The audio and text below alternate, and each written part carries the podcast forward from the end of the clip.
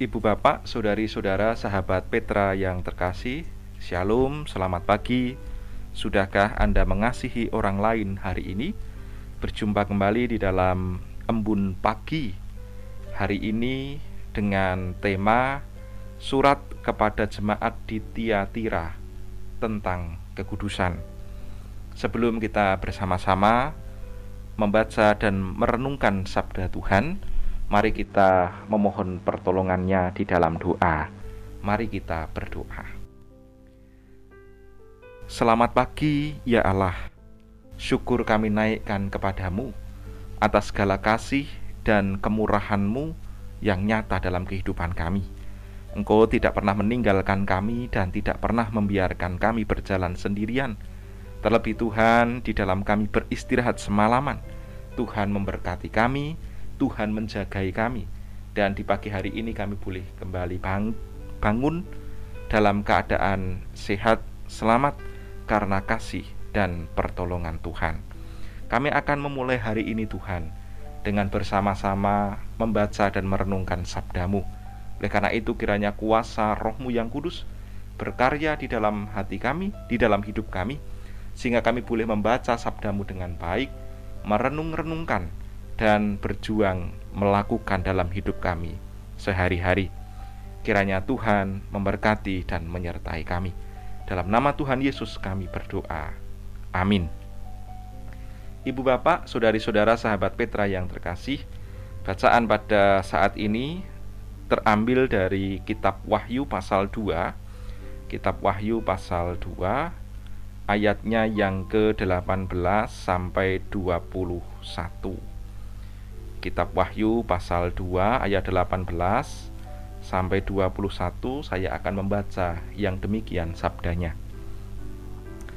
Kepada jemaat di Tiatira dan kutuliskan kepada malaikat jemaat di Tiatira inilah firman anak Allah yang matanya bagaikan nyala api dan kakinya bagaikan tembaga.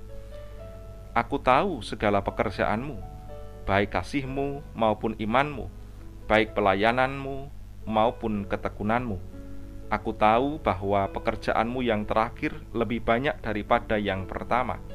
Tetapi aku mencela engkau karena engkau membiarkan wanita Isbel yang menyebut diri nabiah mengajar dan menyesatkan hamba-hambaku supaya berbuat zina dan makan persembahan-persembahan berhala dan aku telah memberikan dia waktu untuk bertobat, tetapi ia tidak mau bertobat dari sinahnya.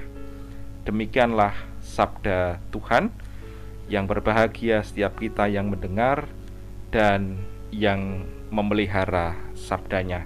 Haleluya. Amin. Ibu bapak, saudari-saudara jemaat Petra yang terkasih, Bagian dari sabda Tuhan yang baru saja kita baca dan kita dengar tadi diberikan tema surat kepada jemaat di Tiatira tentang kekudusan. Jemaat di Tiatira adalah jemaat yang terletak di Asia Kecil. Dalam dunia modern saat ini berada di kota Istanbul, Turki kepada jemaat di Tiatira, penulis mengungkapkan jati dirinya atau memperkenalkan jati dirinya sebagai anak Allah yang matanya bagaikan nyala api dan kakinya bagaikan tembaga, yaitu kaki yang siap meremukkan musuh-musuhnya. Dalam bacaan kita, ibu bapak sekalian, jemaat di Tiatira ini dipuji karena mereka adalah jemaat yang mengasihi, jemaat yang beriman, yang suka melayani, yang memiliki ketekunan dan setia. Dalam melaksanakan pelayanan yang dipercayakan kepada mereka, mereka terus mengerjakannya dengan sungguh-sungguh. Namun, dalam bacaan kita, kita juga mendapati selain pujian yang disampaikan kepada jemaat di Tiatira, kita juga mendapati bahwa jemaat di Tiatira dikecam oleh Allah. Karena apa? Karena Allah mendapati mereka membiarkan mereka disesatkan oleh pengajar yang bernama Isabel. Di Tiatira terdiri dari beberapa asosiasi perdagangan yang masing-masing memiliki dewa pelindung.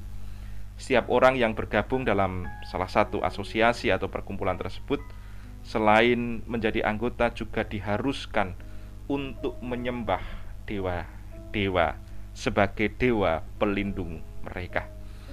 Dan pada bacaan kita, ibu bapak sekalian, kita bisa melihat bagaimana sikap jemaat di Tiatira. Di satu sisi, mereka beriman, mereka bertekun, mereka bertumbuh dengan baik, tetapi di sisi lain mereka juga diperhadapkan pada sikap yang serius, yaitu mereka membiarkan diri mereka diajar oleh nabiah palsu yang bernama Isabel. Nabiah palsu ini kemudian mengajarkan kepada jemaat di Tiatira bahwa mereka tidak harus hidup dalam kekudusan atau tidak harus hidup dalam kesucian. Justru nabiah palsu yang bernama Isabel ini kemudian mengajarkan kepada jemaat di Tiatira untuk hidup sesuai dengan keinginan mereka sendiri. Jadi nampaknya Isabel ini mengajarkan tentang persinahan dan juga penyembahan kepada berhala-berhala. Nah, ini nampaknya yang kemudian menjadi permasalahan yang serius yang dihadapi oleh jemaat di Tiatira.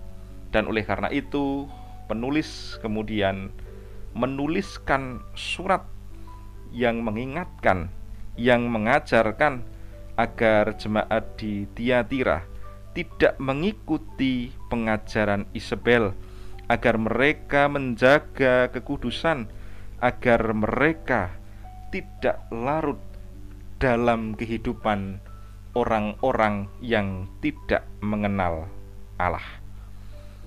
Nampaknya ada kelemahan yang dihadapi oleh jemaat di Tiatira dan mereka membiarkan ketidakberesan itu terjadi sehingga mereka disesatkan oleh penyesat-penyesat yang kompromis terhadap dewa-dewa yang ada di sana.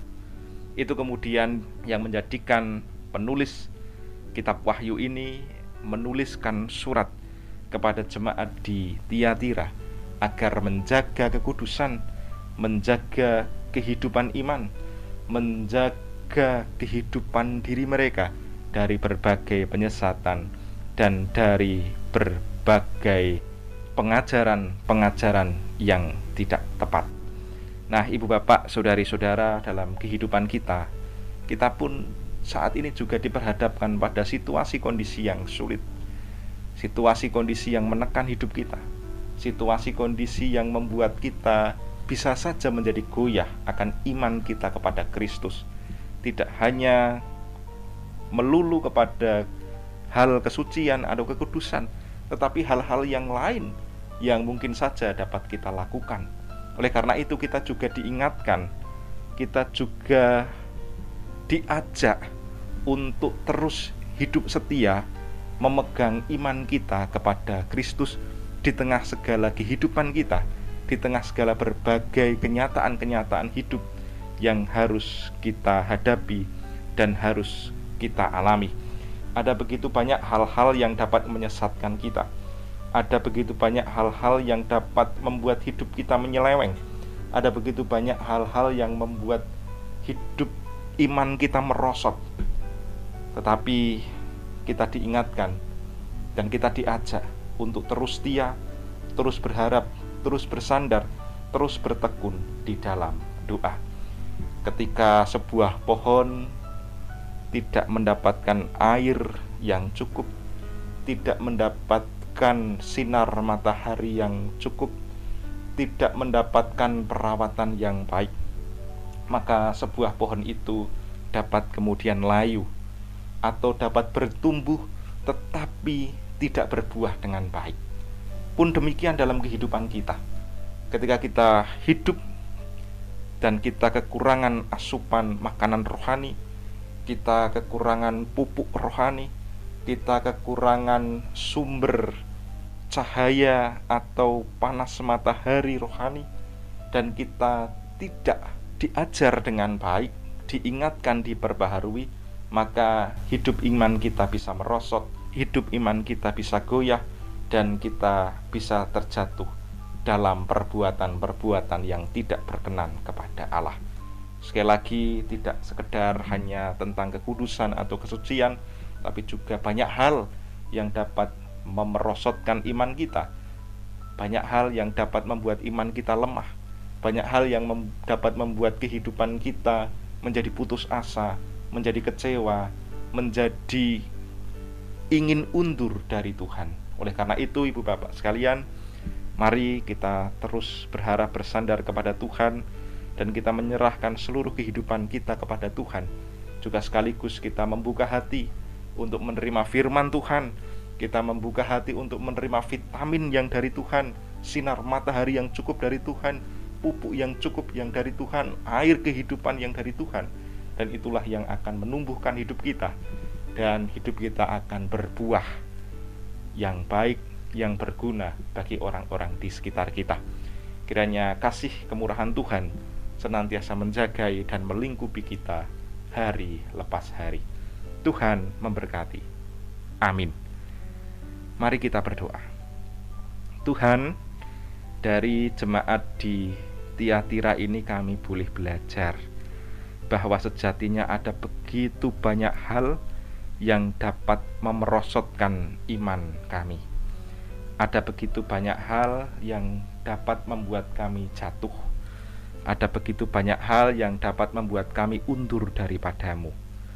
Meskipun kami telah bertekun di dalam kasih, meskipun kami telah bertekun di dalam pelayanan, meskipun kami telah bertekun di dalam perbuatan-perbuatan baik, tetapi kami pun juga harus senantiasa bersandar dan erat dekat denganmu kami juga membutuhkan asupan air yang daripadamu, pupuk yang daripadamu, sinar yang daripadamu, sehingga kehidupan kami terus bertumbuh dan boleh berbuah, menghasilkan buah yang baik di tengah-tengah kehidupan kami yang penuh dengan pergumulan ini. Oleh karena itu Tuhan berkatilah kami, sertailah kami, dan kiranya kuasa roh kudusmu yang memampukan kami, sehingga kami terus hidup dalam kasih setia Tuhan meskipun di tengah berbagai kesulitan dan pergumulan hidup.